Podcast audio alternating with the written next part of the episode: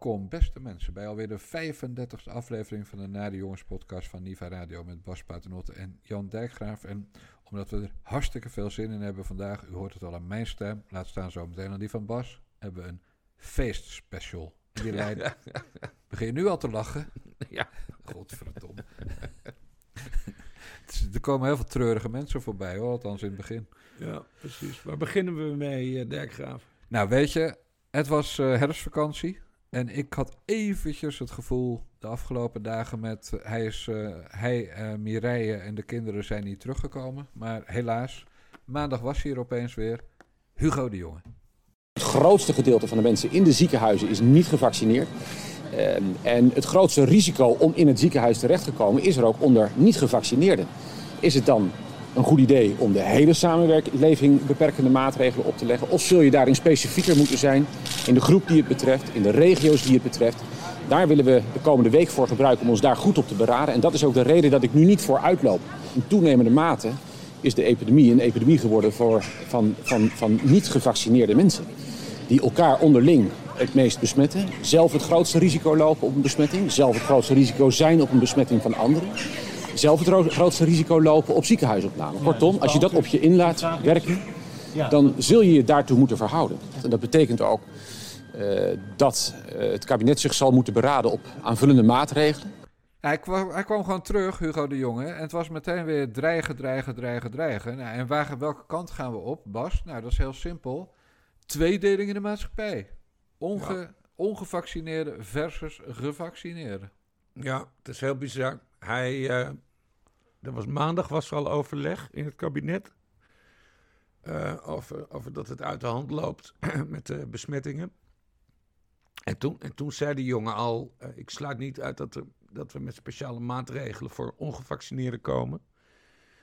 En het is, als wij dit opnemen, is het dinsdag. En nu staat het weer op teletext 101. Dat gisteren was misschien ook een beetje om de mensen alvast een beetje warm te maken. Hè? Noem, het noem het een hondenfluitje. Ja, en daarom Want- was, eh, was Wouter de Winter ook s'avonds bij Jinek weer om, eh, om ook eh, de boel weer in de week te leggen. Ja, ja, en alle media. Maar wat vind jij ervan, die tweedeling? Nou ja, eh, ik heb mij laten vaccineren, maar verder ben ik een groot tegenstander van welke tweedeling dan ook. Hè, die coronapas, dat vind ik ook totale bullshit. Eh, daarom ga ik dus niet meer naar de horeca. Als ik naar mijn stamcafé ga, dan zit ik buiten. En eh, dan geef ik mijn pinpas af als ik wil betalen. En die gaat dan naar binnen en dan leggen ze hem op die, eh, op die pinautomaat. Hè. Dat gaat Hoe doe je dat met plassen? Geef je de boel ook af dan? En eh ja, in een emmertje. Ja. Nee, nee, ik ga altijd voordat ik naar buiten ga. Oh ja. Even goed, goed plassen. En nee, die coronapas, dat is, dat is gewoon discriminatie van, van heb ik jou daar. En het is belachelijk. En ik wil ook aan niemand hoeven te bewijzen dat ik gevaccineerd ben. Dat is helemaal mijn zaak. En ik heb mij keurig laten vaccineren, dansen bij Jansen en alles. Eh, maar ik, ik, ik voelde helemaal niks om dat te gaan bewijzen. Nee. Maar dat gaat nog wel een ding worden, want die coronapas... die geldt dan nu voor de horeca en, en, de, en de bioscoop... maar die kan dus ook voor je werk gaan gelden. En dan wordt het een heel ander verhaal. Ja, dat klopt. Dan mag je alleen nog op je werk komen als je eh, gevaccineerd bent. Want er zijn twee dingen. Het is dat, maar het is ook zo dat het van 3G of G, G3 naar 2G of G2 gaat. Ja, dat moet je nog even uitleggen. Ja, tot nu toe kan je, eh, moet je eh, gezond zijn, ge- zijn verklaard, gevaccineerd zijn of getest. En onder druk van de lobby van D66 van een man met een moeilijke achternaam, die ongeveer dezelfde achternaam heeft als jij, gaat dat naar G2. En dat betekent dat het alleen nog gaat voor gezond verklaard of gevaccineerd. En dat een test dus niet meer geldig is als, eh, eh, als mogelijkheid om aan een coronapas te komen. Ja. Dus als je dan gaat werken en je bent zo'n sukkel die niet lekker zoals wij thuis op een zolderkamer zit. Ja, dan moet je gevaccineerd zijn of je mag niet naar je werk. Ja, ja, en dat vinden wij niet kunnen, Bas, neem ik aan. Nee, maar dat, dat, dat gaat toch veel te ver. Dat is een veel te grote ingreep op, eh, op je leven als, eh, als individu. Ja. Maar nu de andere kant. Nou, ik zag dat een vandaag, eh, eh, die hebben zo'n opiniepanel. En dat zijn, dat is iets van 28.000 mensen zitten daarin, meen ik. Dus dat is zeg maar niet hun, hun waarmee ze de, de peilingen doen voor de, voor de verkiezingen, maar echt een groot opiniepanel. Waar ze heel veel mensen heel veel onderwerpen kunnen voorhouden. En daar blijkt uit dat 72% van de gevaccineerden vindt dat het kabinet over moet gaan tot specifieke maatregelen voor ongevaccineerden. Ja. 72 procent. 72 dat zijn NSB'ers, Jan Dijkgraaf. Wat is dit voor waanzin? Dat Ja. we, we gaan nu ongevaccineerden tot een, tot, tot een mindere groep maken of zo. Wat is de, wat is de bedoeling? Waar, waar- waarom denken die mensen zo? Ja, dat wil er- 70% van de bevolking blijkbaar. Ja, ik snap helemaal Maar nu even de andere kant van het verhaal. Kijk, Ja. werk is natuurlijk tot daar aan toe. Boeien. Als je niet naar je werk mag omdat je niet gevaccineerd bent, nou, dan zijn er al landen waar je dan je salaris moet inleveren. Hè? Italië, meen ik. Ja. Eh, stel dat dat gebeurt. Salaris inleveren als je niet gevaccineerd bent. ja, dat zou toch schandalig zijn? Waarom pikken sommige Italianen het wel? Weet ik niet. Nee. Ik bedoel, Italië, ja, die hadden vroeger een fascistische regering. Ja, maar goed. En daarna een communistische regering. Dus ze zijn daar misschien al wat, wat eh, ja, volgen ze wat meer eh, wat de overheid wil. Eh, nee, maar dit is, dit, is, dit is bizar. En ik snap ook niet dat er zo weinig solidariteit is. Kijk, tuurlijk, hartstikke stom als je je niet laat vaccineren. Maar er zijn verschillende redenen voor. Eh, of je bent er gewoon niet gezond genoeg voor, of het gaat om religieuze eh, afwegingen. Of Nou, 5G en andere wappie onzin. En, en, de, en de wappies.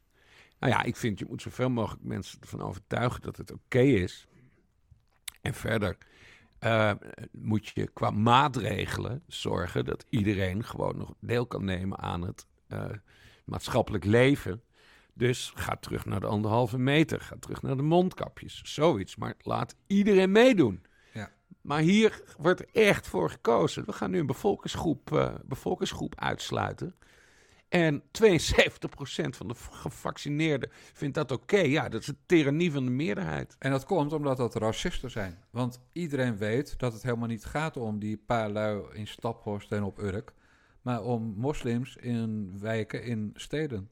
Ja. Die voornamelijk niet gevaccineerd zijn. eh, Ja. En op de IC liggen met, Ja. met COVID. En, dik, en dikke mensen hè, liggen En- ook op die En zee. wij, mensen zoals wij, dat klopt. Eh, Ja. dus, dus dat is zo. Maar het, we lullen er nog omheen ook. Welke groep dit dan veroorzaakt. Maar het is, het is natuurlijk heel grappig dat mensen zoals jij, die nu heel erg solidair willen zijn met de ongevaccineerden.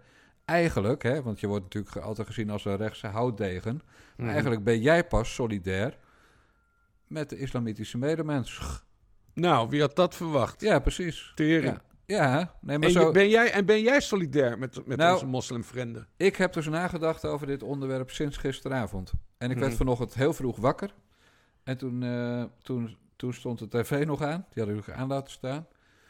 En dan waren ze bezig over dit onderwerp. En toen werd mevrouw Dijkgraaf van mijn gedraai weer wakker. Want zo gaat dat eh, eh, Mhm. in Huizen Dijkgraaf. En toen zei ik, wat vind ik nou eigenlijk? Vind ik nou dat, dat alle maatregelen voor iedereen moeten gelden? Mhm. En dat betekent dus dat wij gevaccineerden, hè, want wij zijn hier ook braaf gevaccineerd. We behoren eh, om meerdere redenen tot risicogroepen hier in Eestega. Mhm. Maar vinden wij nou ook dat wij weer wat mogen inleveren eh, ten behoeve van de ongevaccineerden? En Mhm. ik zeg daar niet zomaar ja tegen.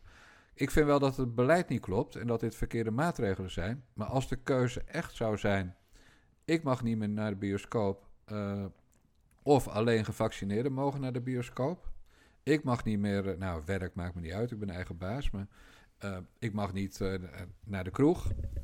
terwijl de, om, de, om de ongevaccineerden binnen te laten, dan zeg ik, ik weet nog niet zo net wat ik wil. Maar aan de andere kant, de ongevaccineerden zijn nu getest. En die zijn dus minder besmettelijk dan de gevaccineerden mogelijk zijn. En aan de andere kant geldt weer dat als gevaccineerden besmet raken, de kans op IC veel kleiner is. Dat Ja. is wetenschappelijk wel bewezen op dit moment. Ja. Dus er zit allemaal andere kanten aan. Want de andere kant van het vaccineren aan zich is natuurlijk dat één ding inderdaad nooit eh, zeker is op dit moment. En dat zijn de effecten op lange termijn. Die Ja. weten we nog niet, want er is nog geen lange termijn. Dus Bas, ik, zit, ik, ik hang echt van de linkse nuance naar de rechtse nuance, naar de middennuance. Ik kom er gewoon niet uit wat ik ervan vind. Maar Nee, ik vind maar wel het, solidariteit. Ja. Eh, en het belangrijkste vind ik vrijheid. Dus Ja. ze gaan nu duidelijk naar vaccinatie dwang toe. Of je bent een minderwaardig mens en minderwaardig deelnemer aan de maatschappij. En misschien wel iemand die geen salaris meer krijgt of salariskorting. Ja. Dus ik vind dit weer, ja, eh, ik vind Hugo de Jonge niet voor niks al een hele tijd eh, iemand die heel snel een doodschop moet krijgen. In Ja. spreekwoordelijke zin. Ja, spreekwoordelijke zin uiteraard. Nee, dat was vanmiddag tijdens de eh, regeling van werkzaamheden. Hè, dan maakte de, Kamer, de Tweede Kamer altijd de agenda een beetje op voor de rest eh, van de week. En toen vroeg, eh, toen vroeg jouw eh, vriendin eh, Caroline van der Plas eh, best wel interessant debat eh, aan. Eh, zij wilde niet zozeer een debat over die tweedeling hebben, of deze specifieke tweedeling. Maar een debat over wat, hoe ver de Tweede Kamer met dit soort maatregelen in het algemeen, die, die met je, hè, je persoonlijke Ja. individuele vrijheid te maken hebben, hoe ver de Kamer daarmee wil. Nou, daar, daar kreeg ze wel een beetje steun van, van de PVV, et cetera. Eh, eh, eh, maar goed, de Kamer gaat natuurlijk dwars liggen, maar dat is niet heel erg, want volgende week, als de nieuwe maatregelen bekend worden gemaakt, dan volgt er natuurlijk een coronadebat. Dus Caroline van der Plas die zei al van, nou, dan gaan we tijdens dat coronadebat erover hebben. Ze kreeg trouwens ook steun van de SGP. Maar het was wel een interessant punt van haar. Ja. Een essentieel debat over de vrijheden van de burgers. Afgezet tegen beleidsmaatregelen van, het, van, van de regering, van Ja. de Rijksoverheid. Ja, het grappige is dat, het, dat er twee momenten zijn geweest de afgelopen eh, anderhalf jaar waarin dat debat wel was. Eh, en de eerste keer was bij de lockdown. En toen liet de Tweede Kamer zich met een half uurtje laten beginnen eh, met een kruidje in het riet sturen. Ja. En de tweede keer was laatst met de invoering van de coronapas. Toen de. PvdA een de- op een detailpunt, ik dacht eh, buiten checken, klopt dat? Ja, op dat je, dat je buiten op Precies. het terras... Dus Ja, dus, dus dat won de PvdA zogenaamd. En dus, het, is, het is telkens met... eh, waar, waar het mij aan moet denken is... Ja, je wordt eigenlijk doodgemaakt door, eh, in dit geval eh, door de regering. Maar je wordt doodgemaakt. Maar als je dan maar als concessie eist dat het een half uur later gebeurt... of dat het niet met een mes, maar met een pistool gaat... dan is het Ja. opeens minder erg. Ja. Maar de Tweede Kamer doet dit natuurlijk zelf, hè? Ja. Die laten dit... En, en ook de oppositiepartijen meestal. Ja, maar op zich snap ik dat wel. Want je, je geeft nu twee voorbeelden van dingen die voor het eerst gebeurden. Dus de, eerst, die, eerst die lockdown. Ehm, eh, en de, de, de, Sorry, ik de- bedoelde de avondklok. Ja, de avondklok Ja, bedoel ik, bedoel ik ook. Hè? Dus dat half uurtje van Jetten, dat we dan een half uurtje langer buiten mochten blijven. Wat dan als een overwinning werd eh, beschouwd door D66. Later hebben ze al die tweets eh, heel verstandig ook weer verwijderd. Eh, en als tweede dus eh, de, de, de coronapas. Maar dat zijn dus beide keren een, maatregel die we eigenlijk nog nooit in Nederland hebben meegemaakt. Nee. Dus dan snap ik wel dat, dat zo'n oppositie dan ook niet precies weet hoe ze erin moeten zitten. Eh, en, en kijken van, ja, moeten we, moeten we er wat af, afknibbelen, hè, afknabbelen. Nee, maar dat Dus op zich snap ik dat wel. Maar daarom is het zo belangrijk dat Caroline van der Plas hè, dan nu Ja. eh, zegt van... oké, eh, maar laten we nu een keer echt een groot, breed debat... over dit soort maatregelen hebben. Ja, want dat, En dan zou je bijvoorbeeld ook met elkaar kunnen afspreken. Gewoon die analyse die jij en ik nu maken. Hè, van ja, het was allemaal voor de eerste keer. En, die- en die Kamerleden weten ook niet wat ze moeten doen. Ja, dat je dan in een essentieel debat daar een keer over gaat praten met z'n Ja. allen. Dus ik vond het een heel goed plan van haar. Ja, maar dat afknabbelen is precies wat steeds gebeurt. Kijk, we, er, er komt een debiel plan uit Brussel. En dan is het vervolgens het resultaat dat Nederland gaat bereiken... dat het debiele plan een heel klein beetje minder debiel wordt. En dan Ja. vervolgens zitten we gewoon met die Green Deal in onze maag als Ja. voorbeeld. En dat geldt eigenlijk voor de Europese grondwet die er zogenaamd niet kwam. Dat geldt voor alles. Ja. Dus als je maar iets heel bizars roept en je knabbelt er iets vanaf... en dat noem je dan een concessie, dan kan het. En dat is volgens mij de kanker van, van al die kabinetten Rutte, maar ook daarvoor al. Dat is gewoon sinds, eh, sinds de EU, of sinds, sorry, de EG niet meer bestaat, eh, zie je dat internationaal. Maar, maar dit zie je met alles, terwijl inderdaad de fundamentele vraag nooit wordt gesteld. Het is ook met, de- met de begroting van het Koninklijk Huis. Het gaat altijd over een, een tonnetje of een miljoentje hier en een miljoentje Ja. daar. Maar de vraag is natuurlijk uiteindelijk, moeten we niet stoppen met die poppenkast? Ja, de grote lijnen die blijven altijd buiten beeld. En daar zijn de nare jongens voor, Bas. Ja, precies. En Caroline van der Plas. Precies. Zullen we naar een ander onderwerp gaan? Ja. Want als je er naar kijkt, denk je dan van... goed gedaan, jochie. Niet op alles hoor. Het zijn echt wel eh, dingen waarbij ik denk van nou, eh, dat nog wel een tandje minder. Er zijn best wel veel dingen waarbij ik dat denk. Maar aan de andere kant is het ook wel zo eh, dat die tijd het ook wel nodig had, denk ik. Ik denk dat het een hele andere tijd is dan nu. Er is wel wat veranderd. Maar wat is er... Nou, maar wat- wat, wat wat- was het toen waardoor je dacht van ja, we moesten... Heel hoogdravend, maar het systeem Nou ja, als je kijkt een naar, de, als je kijkt naar de, de, de bewindvoerders waar ik daarmee sta, eh, in dit filmpje bijvoorbeeld, ja, die hadden eh, dat was wel anders dan de bewindvoerders die er nu zijn. Want wat is er in die tussentijd veranderd? Ja, het is toch wat regentesker in die tijd. En het was wat politiek correcter. En je mocht bepaalde dingen echt niet zeggen. En uh, ik vond het in die tijd ook oprecht belangrijk dat dat opengebroken wordt. Dus ik, ik, ik, ik uh, kijk hier ook naar. Ik moet er eigenlijk ook altijd zelf heel hard om lachen, moet ik heel eerlijk zeggen. maar ook zou, je, zou je het nog zo doen? Nee, nee, Kunnen we dat nee, in de nee, verwachten? Nee, nee. Dat was het Kasticum, toch? Ja. Ja. Oud, oud werknemer van jou. Zo hebben we het allebei nooit ervaren. en jij wil natuurlijk weten, wat de fuck, waarom Rutger Kasticum bij de Nare Jongens? Want dat Ja, is helemaal vertel. geen Nare Jongen. Nou, dat zal ik jou vertellen, Bas. Het mislukt, omdat er met corona weer het een en ander hand, aan de hand is. Maar de bedoeling was eigenlijk dat, de, dat het deze weken alleen maar zou gaan over de klimaattop in Glasgow. Ja. En Rutger Kastricum van Poont heeft zich laten omkopen door de NPO om ook een programmaatje te, te mogen maken. Dus die maakt nu eh, in plaats van de Hofkar, dat is een, een ritje met een auto waarin hij iemand interviewt, Ja. maakt hij nu de Klimaatkar. Ja. En gaat hij allemaal eh Ed Nijpels-achtige types en Dylan, eh, je weet wel wie ik bedoel van de VVD. ja. En dat soort types allemaal op die achterbank hebben. En, en hij heeft, ik geloof dat hij elf eh klimaatmafiosi, klimaathandelaren of klimaatkerkgangers heeft. En Caroline van der Plas als tegenwicht. Maar zelfs Poont gaat dus eh, vol op het, eh, het klimaatorgel. Bizar. hè?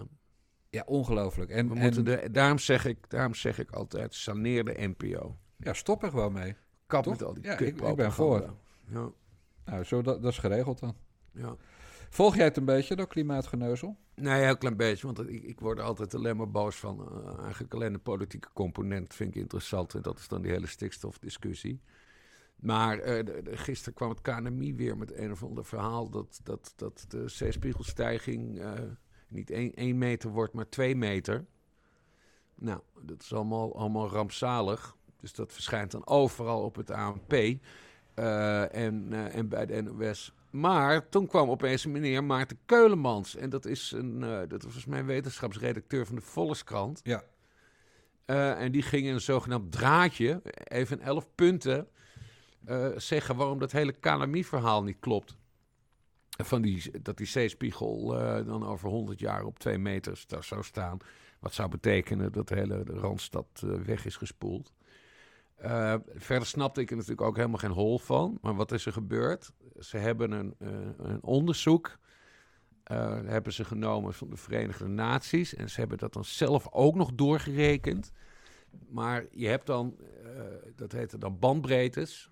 Je kan dan met verschillende bandbreedtes rekenen. Dus hè, en je hebt Ja. het, sle- het allerslechtste geval en je hebt het meest positieve geval.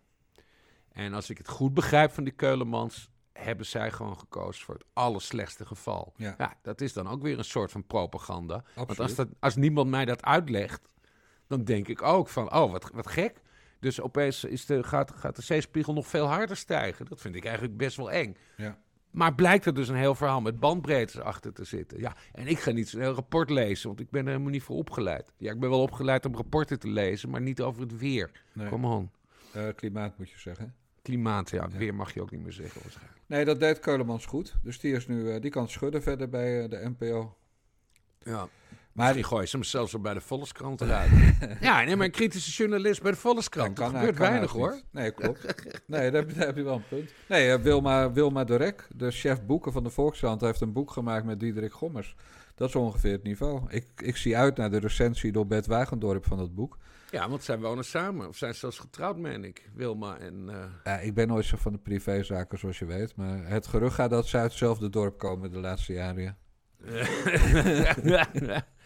maar hij heeft zijn boek met gommers gemaakt. Ja? Jezus, waar is het allemaal... Het is allemaal zo... Gommers, hè? die man die, die niet meer bij talkshows ging zitten en er nu weer elke week drie keer zit. En ja. Ja. die had ook nog Ja, dat heeft, hij, eh, dat heeft hij drie dagen volgehouden. Ja, maar die heeft ook nog tijd om een boek te laten schrijven.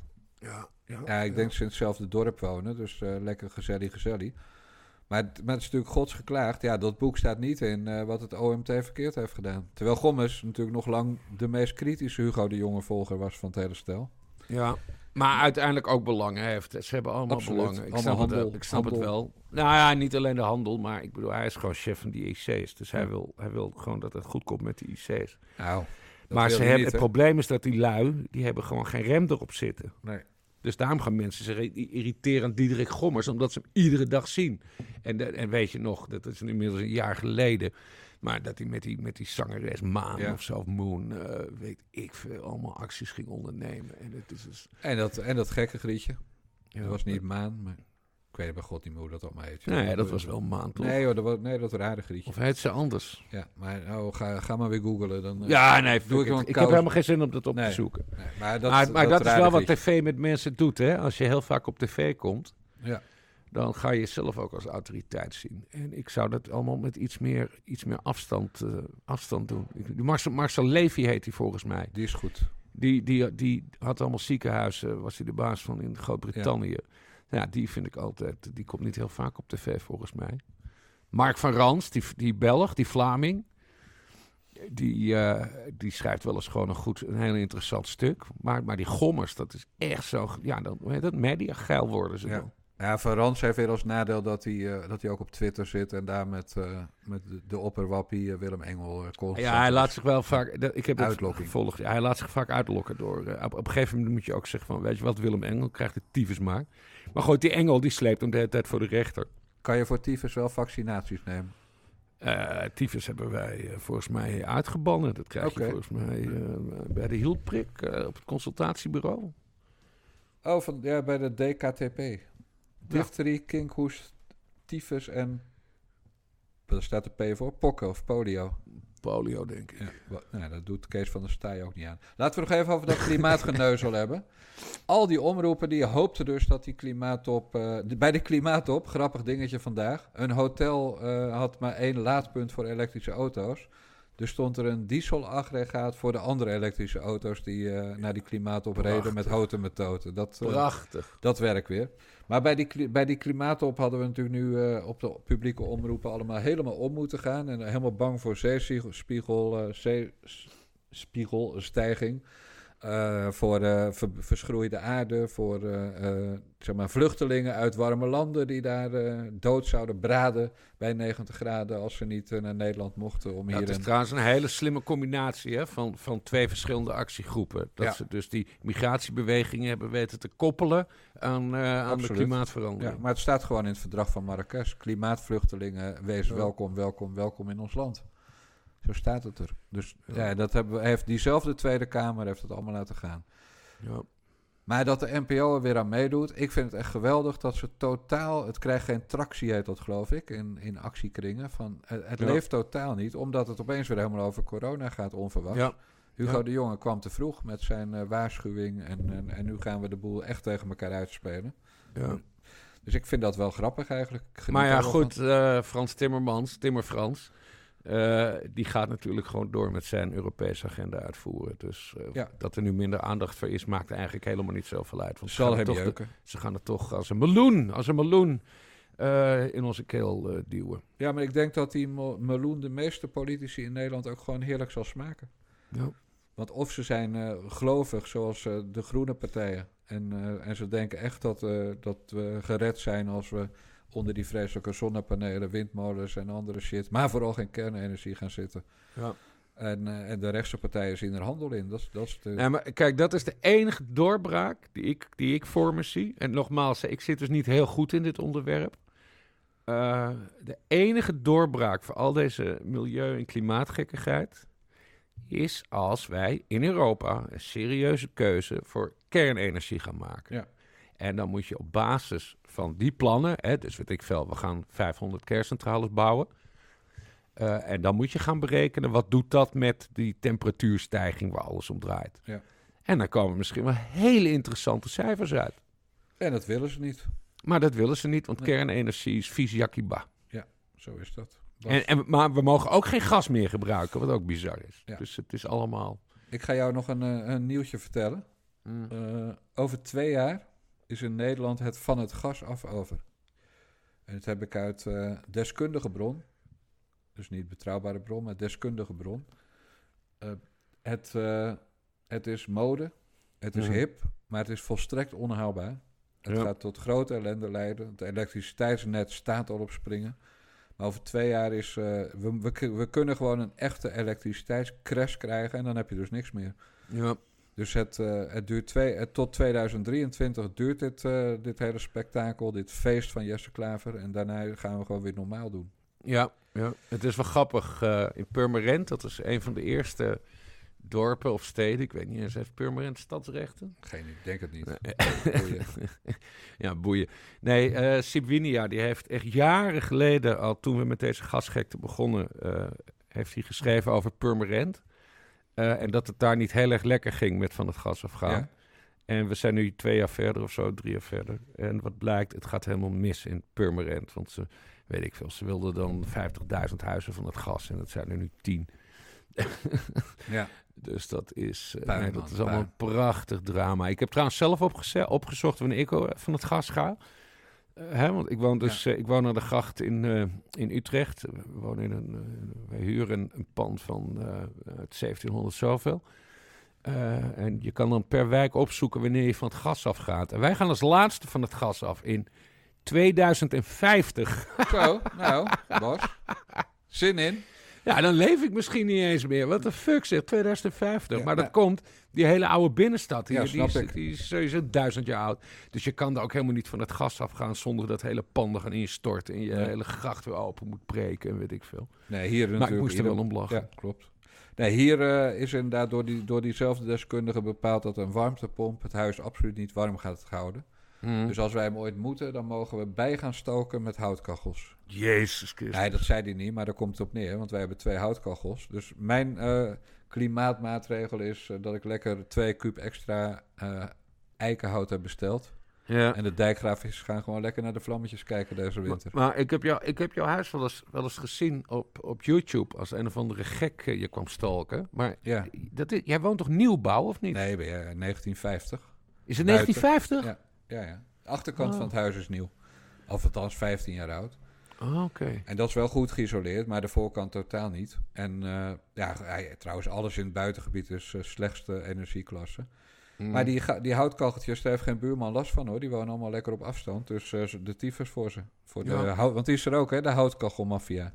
Zeg maar Mm. één keer gezellig vanavond de kachel aan. En ook al heb je hem niet, nou, dan heb je 84.000 tweets van die gekkies hoor. Ja, echt, echt. Ja. Ja. Ja, Hey, Ja, van houtka houtkachels en moord. Precies. Ja, dat ik, verhaal. ik wil eens een, eh, ook eens een draadje eh, eh, bespreken met jou. Mm. Want toen ik zo vanochtend zat te somberen over ben ik nou voor of ben ik nou tegen die, die tweedeling in de maatschappij. hè? Kan ik Ja. een billiken of ben ik er echt fel op tegen? Toen kwam ik eh, het, een draadje tegen van Svennis J. Max, beter bekend als Sven. Die ooit met Erik de Vlieger eh, een podcast eh, bij Poont had op zondagnacht. Ja, En dan wil ik even voorlezen. Vluchtelingenexplosie, woningentekort, epidemiepolarisatie, dakloosheidsverdubbeling, energiekostenhoos, systematisch wanbestuur, bewuste trainering burgers met schade, Groningen en toeslagen, komende bombastische EU-Green Deal kosten. Dehum- Dehumanisering en financieel wanbeleid in zaken burgers in participatiewet. Excessieve witte bordencriminaliteit. Gelijkschakeling media. Politieke cultuur van een Oostblokland. Angstcultuur op straat. Nijpende financiële crisis. Afname besteedbaar inkomen.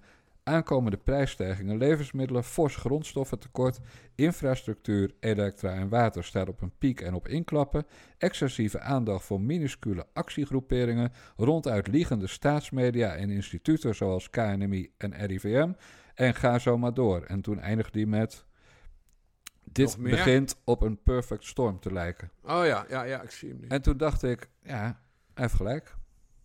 Kon ik eerlijk gezegd geen reet tegen inbrengen, behalve, nou hopelijk valt het mee.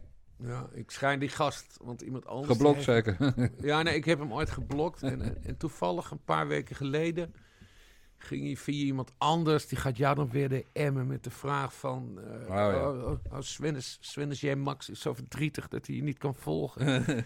en, en, en, en waarom heb je hem geblokt? En ik van, ja, gast, weet ik niet. Ik bedoel, ik, ik blok al jaren niet meer. Omdat ik... Je hebt nu mute, hè? Mute Ja. is veel leuker. Absoluut. Dus, ah, dus ik heb die gast een keer geblokt. En ik blokte eigenlijk alleen maar als, als, als mensen zei, tegen me zeiden dat ik een dikkerd was of zo. Ja. Een dik, dik mannetje. Ja, want dat is niet brilletje.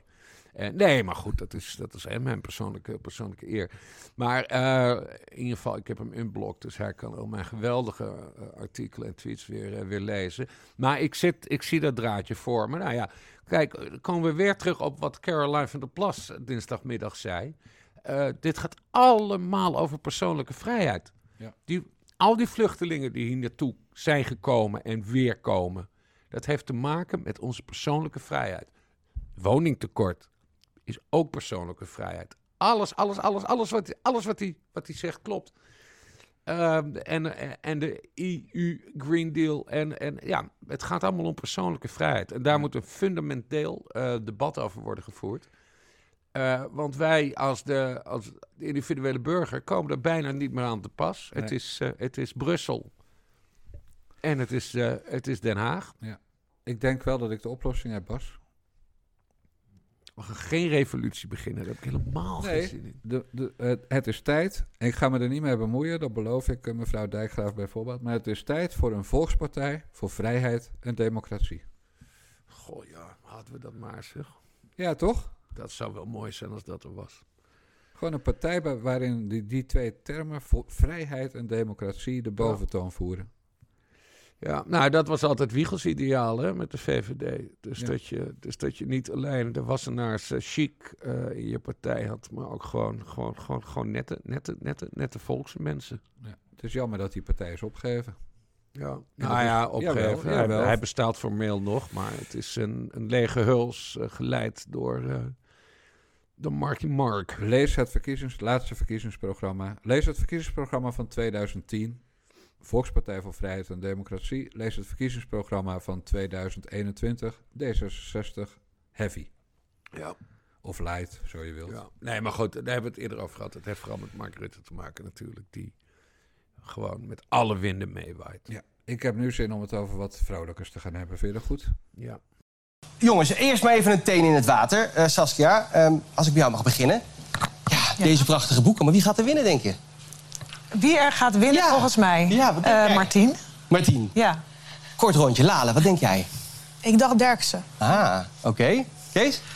Ehm, ik denk degene die de meeste stemmen krijgt. Die kans bestaat. Gaat vanaf nu, toch? Juist, zeker. Lade. Lale, denk jij. Ah. Ja. Ja, ik, ik hoop toch echt dat ik dat ben. Dat Ik hoop weet je het niet. Maar Ja. ja, ik ga mijn best doen. Maar ja, meer goed. kan je niet doen. ja. Martien? Ja, ik heb helemaal geen, ja, ik heb geen voorkeur. Ik ben namelijk helemaal geen lezer.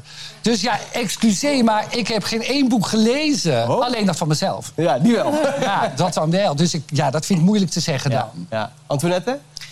Ik denk ook dat Martien wint. Ja? Ja. Ik weet wel zeker dat Martin wint. Paternotte, eh, het valt me onwijs van je tegen. We zijn nu ruim een half uur aan het praten. En ik heb nog een felicitatie gehoord. Ja, eh, man, man, man. Eh, ik weet het. je bent genomineerd samen met je goede vriend Martien Meiland voor Voor? de NS Publieksprijs. Slash stemmen slash Martien.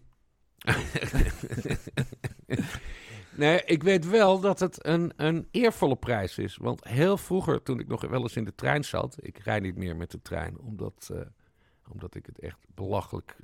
Hoe heet het? Dienstverlening ontzettend kut vind. En we hebben nu Uber en zo, en dat is ook allemaal veel makkelijker. Eh, maar je had dan vroeger het blad Rails. En volgens mij bestond de NS Publieksprijs toen al... Ja, zeker. En het, eh, het leuke van literaire prijzen vind ik persoonlijk. Ik heb sowieso wel met literatuur en, en, en heb je zo'n PC hoofdprijs en weet ik veel. Maar een publieksprijs is veel overtuigender. Omdat, het, omdat we het dan over eh, de gewone man hebben. Exact. Die gaat meestemmen. Ja. Oké, doe maar even, even de feiten en cijfers. Eh, Wanneer, eh, Nou, je- tot je- wanneer kunnen de mensen stemmen? Je, mag, eh, je, je wordt genomineerd voor de NS Publieksprijs als je bij de beste zes verkochte boeken tussen 1 juli van 2020 en 1 juli 2021 eh, zit. Nou, dat Ja. zaten wij dus. Ja. Eh, dus dat is eh, top. Dat betekent dat het publiek het boek al gevonden heeft. En Ja. vervolgens is het uitsluitend een publieksprijs. Dus dat betekent inderdaad dat niet de recensenten bepalen wie er wint, maar het publiek, de mensen die stemmen. Ja. Waarbij het eh, eh, volgens eh, de kenners gaat tussen Derksen van Michel van Egmond en Antoinette Schulderman en Martien van mij. Dus dat, dat is in zekere zin spannend, omdat we allebei een grote doelgroep hebben. Wat grappig is, is dat die mensen van de, van de stichting die die, die die prijs organiseert, dus CPMB, die gingen voor, ter voorbereiding op het hele verhaal, gingen ze zoeken naar recensies van het boek Martien. Ja. En nul gevonden. Dus alle boeken die genomineerd zijn, zijn gewoon gerecenseerd in de traditionele eh, media, de deugdmedia. Maar het boek Martien is volledig genegeerd, en wat ons overigens aan onze eh reet zal oxideren, maar volledig genegeerd door alle kranten, tijdschriften en eh, serieus, zich serieus noemende boekenprogramma's en weet ik al die andere shit. Ja, ik loop ze even. Ik heb ze nu voor me staan. Ik loop ze even snel langs. Ik zie Saskia Noord. Ja, ja. Oh, Die, eh, die is voor de zevende keer genomineerd en heeft nog nooit gewonnen. Nou, oké dan. Echt, En de nicht van Jan Roos. Die columns van haar zijn zo ontzettend kut. Dus dan, dat boek geloof ik dan wel. Eh, dan zie ik Derksen, Michel van Egmond en Antoinette Schulderman. Eh, die twee hebben een relatie trouwens. Ja, me- meen je dat? Ja, ja. Nee, laat me nou even gewoon mijn verhaal Ja. vertellen, want ik moet nog vier boeken. Echt leuk, we hebben een literair hoekje voor het eerst. Nee, eh, ik heb meer boeken van Egmond gelezen. Eh, over sporters ging dat. Oh, Derksen is natuurlijk ook oud voetballer geweest trouwens. Eh, dat vond ik allemaal wel goed geschreven. Ik heb alleen een pesthekel aan die Antoinette Schulderman. Dat is dat, dat, dat wijf. Ja, nee, dat kan ik gewoon zeggen. Dat wijf. dat tijdens de inauguratie van Donald Trump op twitterde... waar blijft die sniper? Nou, ik vond het zo ontzettend smerig. Hè? Een sniper is dus een scherpschutter. Ja. En ze hoopte dus dat eh, de toenmalige president tijdens zijn inauguratie... Donald Trump zou worden doodgeschoten. Nou, ik snap niet. En, maar je kan dan gewoon... hè, want ze doet interviews voor de Volkskrant en zo. En Linda, dan kun je gewoon bij de Volkskrant blijven schrij- schrijven. Hè? Als Ja. je zegt van... oh, ik hoop dat de Amerikaanse president nu wordt doodgeschoten. Oh nee, niks aan de hand. Blijf maar bij de Volkskrant. Haal je tweet maar weg. Nee, Ja. domme kut. Daar heb ik echt helemaal niks mee. Maar goed, ik ben wel trouwens benieuwd naar het boek. Eh, want ik vind Derkse razend interessant. Nou, dan Lale Ghoul, Ik ga leven. Dat is eh, zo'n typisch... eh, vrouw probeert haar moslimfamilie te, te, te ontvluchten. Ik heb er wel stukjes van gelezen. Ik heb vooral heel veel interviews met haar beluisterd Heel en, veel. En, en, en bekeken. Dus dat verhaal, dat, dat ken ik wel. En ik vind het wel cool voor haar dat ze nu dus al genomineerd is voor deze publieksprijs. Nou, Dan Martin, die ken ik. Eh, Hendrik Groen, opgewekt naar de eindstreep. Eh, ja, dat is leuk voor bejaarden. En dan ene Maaike Meijer met Wen maar aan. Nou, en er staat een heel vies vrouwtje voorop getekend. Dus dat interesseert me eigenlijk ook helemaal geen reet. Dus ik zeg ja, het gaat waarschijnlijk tussen Derksen en Martien. Ja, mooi man. Wat is de prijs eigenlijk? Eh, die is een eh OV-jaarkaart eerste klas voor een jaar. Een beeldje van eh, Je- Jeroen Henneman. En, Ja, vijf- Jeroen Henneman. en ja. 7500 euro, waarvan wij besloten hebben dat we die in de pot gooien. Omdat wij in, eh, bij Ochateau alles eh, gezamenlijk doen. Als Chateau is jouw Uitgeverij met Erika Ja. Renkema. En, dus dat gaat daar gewoon op de grote hoop. En daar gaan we dan misschien uit eten of zo. En, maar de- normaal is dat voor de auteur. Maar een beetje, er hadden wel tien mensen dit boek kunnen schrijven. En het gaat natuurlijk gewoon om de hoofdpersoon. Overigens, het boek Erika, het boek Ja. van erika.nl, dat komt eh, deze week. Donderdag wordt dat gepresenteerd aan de pers en ligt vanaf vrijdag in de winkel. Heel gek genoeg gaat de voorverkoop daarvan precies net zo hard als van Martien. Dus daar zijn wij aangenaam door verrast, want wij hadden gegokt op eh, dat gaat ongeveer de helft doen. Omdat het een vrouw is. Nou, het is wel zo dat wat ik kan zien, hè, dus de aankopen bij ons, is 95% vrouwen. Dus heel veel vrouwen zijn in elk geval geïnteresseerd in haar leven. Kijk eens aan. Dat is een leven met geloof, met feminisme, met natuurlijk een, eh, een rare man vergeleken met het gemiddelde. Ja. Eh, het is ook gewoon een leuk boek, dus daar zal ik maar gewoon eh, over mijn eigen boekje zeggen. Ja. Maar, de, maar wij hadden gedacht, nou, dat gaat wel de helft doen qua verkoop. Maar in de voorverkoop gaat ze dus net zo hard als Martien. Ja. En dat is wel verrassend. En, en wij zitten met het serieuze probleem dat er te weinig papier eh, te koop is. Ja. Dus de, de eerste oplage is uiteindelijk 50.000 exemplaren, wat nog veel is. Maar Ja. we hadden graag wat meer gehad, want het gaat echt eh, gaat hard. Ja, maar kijk, ze hebben natuurlijk een vaste fanbase. Hè? Ik bedoel, ze Ja. pakken een miljoen kijkers of zo met, Ja, met, met, ja. met het programma. Dus ja, iedereen die vreet dat. Helemaal als het een beetje leuk geschreven is. En dat vond ik leuk aan Martien, eh, dus het eerste boek. Eh, dat er ook wat foto's in zaten. Dat maakt het allemaal wat levendiger. Ja, staat in En, dat ik een, ook. en, en ik heb een persoonlijk gesigneerd exemplaar, wat ik trouwens ook altijd eh, heel mooi vind. Ik vond alleen die cover van Erika, dus dat boek dat dan binnenkort uitkomt, eh, ze kijkt er wat triest op. Ik vond, het, ik vond Martien, dat is meer, die kijkt ook niet heel vrolijk, maar er zit een soort expressie in. En zij kijkt wat triestig. Is dat, is, heeft dat te maken met de inhoud van het boek? Nee, kijk, is kijk maar naar de aflevering van gisteren. Hmm. Kijk die maar even terug, SBS 6. Dan eh, zie je dat eh, de cover enige voeten in aarde had. Oké. Dit is gewoon hun keus. En eh, ik kan daar... Je weet hoe ik ben. Ik kan ermee leven. Ja. Nee, maar is zij, want het, het heeft Nee, iets heel niet- reflectiefs. Het Nee, heeft iets, iets, ja, iets. Nee, dat, maar ik zou het woord triest niet gebruiken. Maar dit is wel hoe ze is. Ja. Ze is wel ja, nuchter. Ja. En het is natuurlijk ook wel een, een, een- iemand die veel ellende heeft meegemaakt. Dus in die zin... Ja. Kan, maar het is niet, eh, we hebben niet gezegd, doe, eens een jankmail. Nee. Maar goed, kijk, weet je waar het om gaat bij die covers? Dat heb ik vanaf het begin tegen hun gezegd. Het enige wat mij interesseert is dat als mensen in de winkel komen, dat ze zeggen: hé, hey, dat is Martien of hé, hey, dat is Erika. Mhm. En verder ben ik niet van de, van de glossy eh, fotografie. Nee, En- de Derksen, want ik kijk nu naar Derksen. Ja, ook die een is mooie veel meer foto. gestileerd. Ja, maar is- wel een mooie foto. Dat is wel hoe die is. Ja, is het een foto of een tekening? Nee, is een foto. Het is wel een foto. Wel zwaar bewerkt. Maar ik, goed, ik heb, eh, eh, ik heb Michel van Egmond ooit aangenomen in de journalistiek, hè, dus ik heb een zwak voor hem. Maar hij Waar was dat dan? Zoetermeerse Courant.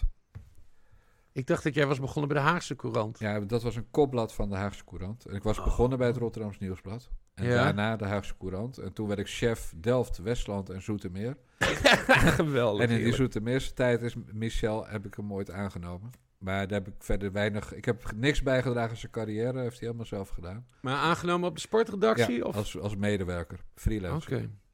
Want hij is, hij is, uiteindelijk heeft hij ook voor Football International geschreven, Klopt. toch? Feyenoord-krant is hij naar de, naar de krant naartoe gegaan. Dus eh, daar heeft hij van Jan D. Zwart, met wie ik ook eh, samen heb gewerkt, het vak verder geleerd. En ook commercie. Ja. En daarna is hij eh, Voetbal International gaan doen. En toen die boeken. Nou, dat is natuurlijk goud voor hem. Ja. Dus hij heeft twee keer die prijs al gewonnen. En, eh, en hij heeft al drie echt, eh, vier inmiddels, knalharde bestsellers op zijn naam. Het leuke is dat die gasten die voor VI boeken maakten... Dus dat geldt bijvoorbeeld voor Gijp en Derksen, de eerste boeken. Mhm. Dat ze bij VI toen niet wisten hoe contracten in elkaar zaten. En toen gaven ze eh, twee keer zoveel honorarium aan de auteur als ze eigenlijk zou moeten. Oh. Dus ze verdienden bij VI heel weinig op die boeken. En de schrijver die liep er helemaal op binnen. eh, wat Ja. op zich natuurlijk terecht is. Dus, eh, en toen kwam ik daar met Bres, zoals je weet. Henk Bres, de Mhm. ADO-hooligan. En toen hebben ze dat beleid net bijgesteld. Had ik weer Bas, maar goed. nou ja, het- dat het hebben we goed. gecorrigeerd met Martien Precies, en Erika. komt helemaal goed. Ja. Maar goed, aan alle mensen die luisteren. En aan hun eh, vrouw, man, kinderen, opa, oma, neef, nicht, tante, oom, buren, achterburen, overburen, verre familieleden, whatever. Iedereen met een e-mailadres. Ga naar nspublieksprijs.nl slash stemmen slash Martien. En stem op Martien, omdat je mij aardig vindt. Of omdat je mij een lul vindt, maar hem aardig vindt. Maakt me niet uit. Maar stem op dat boek Martien.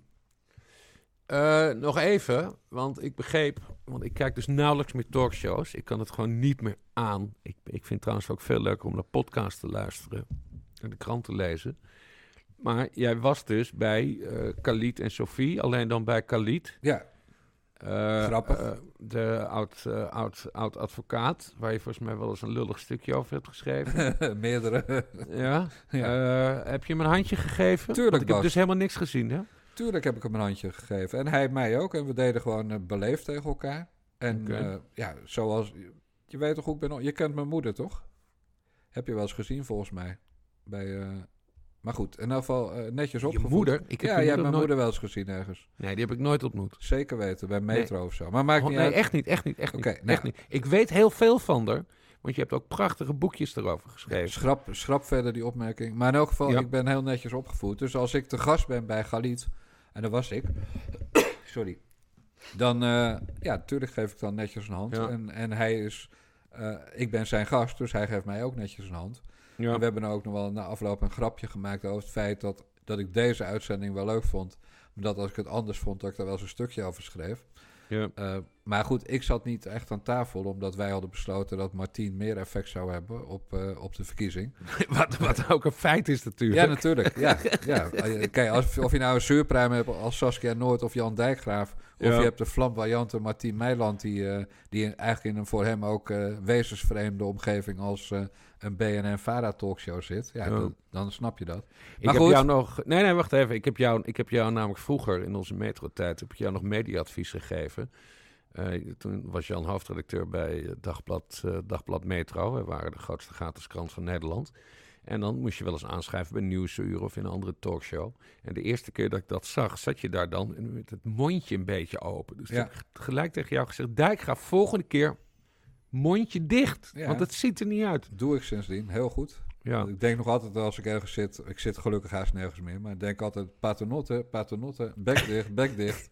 Ja, dat lukt. En dan zeggen mensen weer, wat kijk je zo gereinig. Ja, ja, ja, het is ja. namelijk nooit goed of het deugt niet.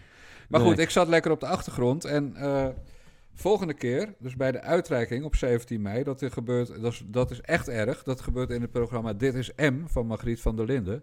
Ja. Dan kan Martien niet. Dus dan zit ik daar eh, namens het boek Martien. Zijn nou 17 mei? Eh, sorry, november. Oh, ik denk al, want Ja, dan, anders zou het nog een Nee, half jaar lang. wachten. Nee, Dat is 17 heel lang november. Ja, over de- 17 november. Ja, over drie weken dus. Dan zit ik bij Dit is M. eh, bij Margriet van der Linden. Nou, daar heb ik gelukkig nooit een vervelend stukje over geschreven. Eh, Nee, voor mensen die niet, hè. kunnen googlen. maar daar heb ik echt heel veel zin in. Want dan, dan ga, ik, eh, ga ik wel even los. Want tot halverwege die uitzending kan er nog gestemd worden. Ja. Ja, en dan, dan wil ik wel... eh, ik wil A, dat ze behoorlijke kijkcijfers heeft. En B, eh, wil ik dan wel even een beetje uh, rumoer gaan maken. Ik was, eh, ik was in de veronderstelling dat we, wa- dat we klaar waren met eh, Dit is M. eh. Nee hoor, dat is gewoon een half jaar allebei. Oh. En dan, of een half seizoen, dat is geen half jaar, dat is een maandje of drie. Ja. Dus ik, ik neem aan dat 1 november eh, dat, eh, dat de boel weer eh, omgaat. Of Ja. anders 15 november, kan ook. Ik kijk dus geen talkshows, maar ik Maar heb dan wel, Bas. Ik, heb, ik, ik zal dan wel kijken, maar ik heb wel een heel goed netwerk in de televisiewereld. Want ik heb dus gehoord dat er ook nog iets anders is gebeurd terwijl je te gast was bij Khalid. Dat je op je muil bent gegaan. Hard, ja. Ja? Ja, heel hard, ja. ja, je moet... eh, ik zat dus op de eerste rij naast, eh, naast de andere directeur van uitgeverij Ochateau.nl, eh Erika. En wij mochten natuurlijk, omdat het om een nominatiebekendmaking ging, niet van tevoren daar zitten. Dus we moesten er allemaal naartoe lopen. En al die anderen hadden dat loopje van tevoren geoefend. Maar op de een of andere manier hadden ze dat aan mij niet gevraagd. En nou moet je, moest je dus langs een soort podium, verhoogd podium lopen. eh, of daar overheen stappen. Maar ik zie dus naast de stoel waar ik naartoe moet... Dirk Sauer van voorheen Nieuwe Revue zitten. Ja. En die groet mij zo met zo'n zo'n hoofd omhoog. Dus ik doe ook zo mijn hoofd omhoog. En dat betekent dat ik in mijn leesdeel zat te kijken... in plaats van... eh, snap je wat ik bedoel? Dus het leesdeel van mijn bril. Dus ik zie Ja. gewoon geen reet. En ik had die hoek van dat podium niet gezien. Nou, ik heb dus heel zwaar RSI aan mijn rechterkant. Dus Ja. ik ging echt keihard op mijn plaat en viel op mijn rechterknie en gelukkig mijn linker eh, schouder.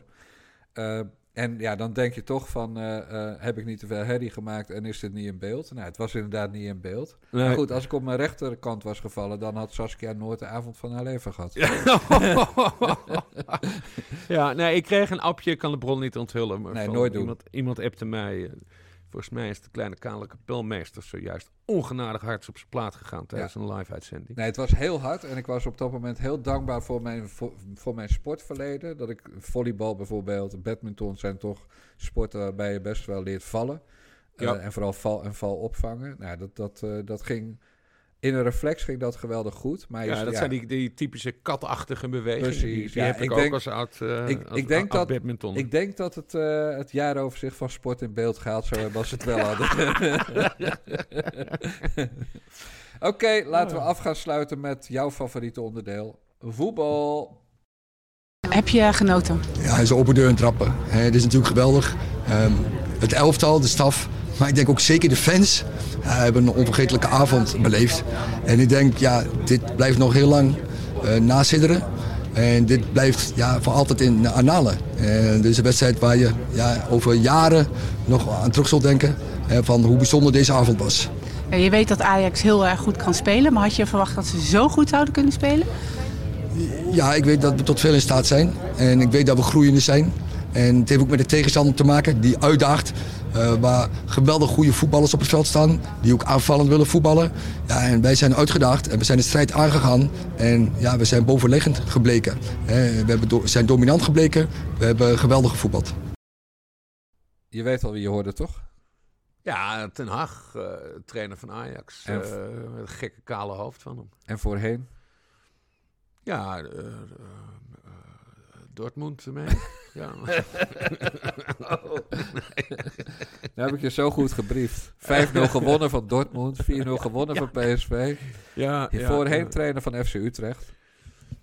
Ja, nee, eh, tuurlijk. eh Appie ten Hag, eh, Utrecht, daar kom ik vandaan. Dus dat, ja. Erik ten Hag. Ja, ja nee, bij- in Utrecht noemen we hem Appie. Appie Oké, hey Bas, laten we het even kort houden met voetbal. Want Feyenoord is weer drama. Ajax is helemaal top. Top, top, top, top, top, top. Bij Ajax ruiken ze alweer de Champions League finale. Ja, daarom, ik wil het vooral even over de ontwikkeling hebben van Ten Hag. Want Oh. in mijn herinnering kreeg hij eerst heel ontzettend veel eh, kritiek. eh, Onder meer van, eh, hoe, heet die, hoe heet die man nou met die vrouwelijke voornaam? Valent, va, va- Valentijn Driessen van de, van de vo- Telegraaf. Ja, niet, niet die, vooral, die was maar... geen fan van hem, toch?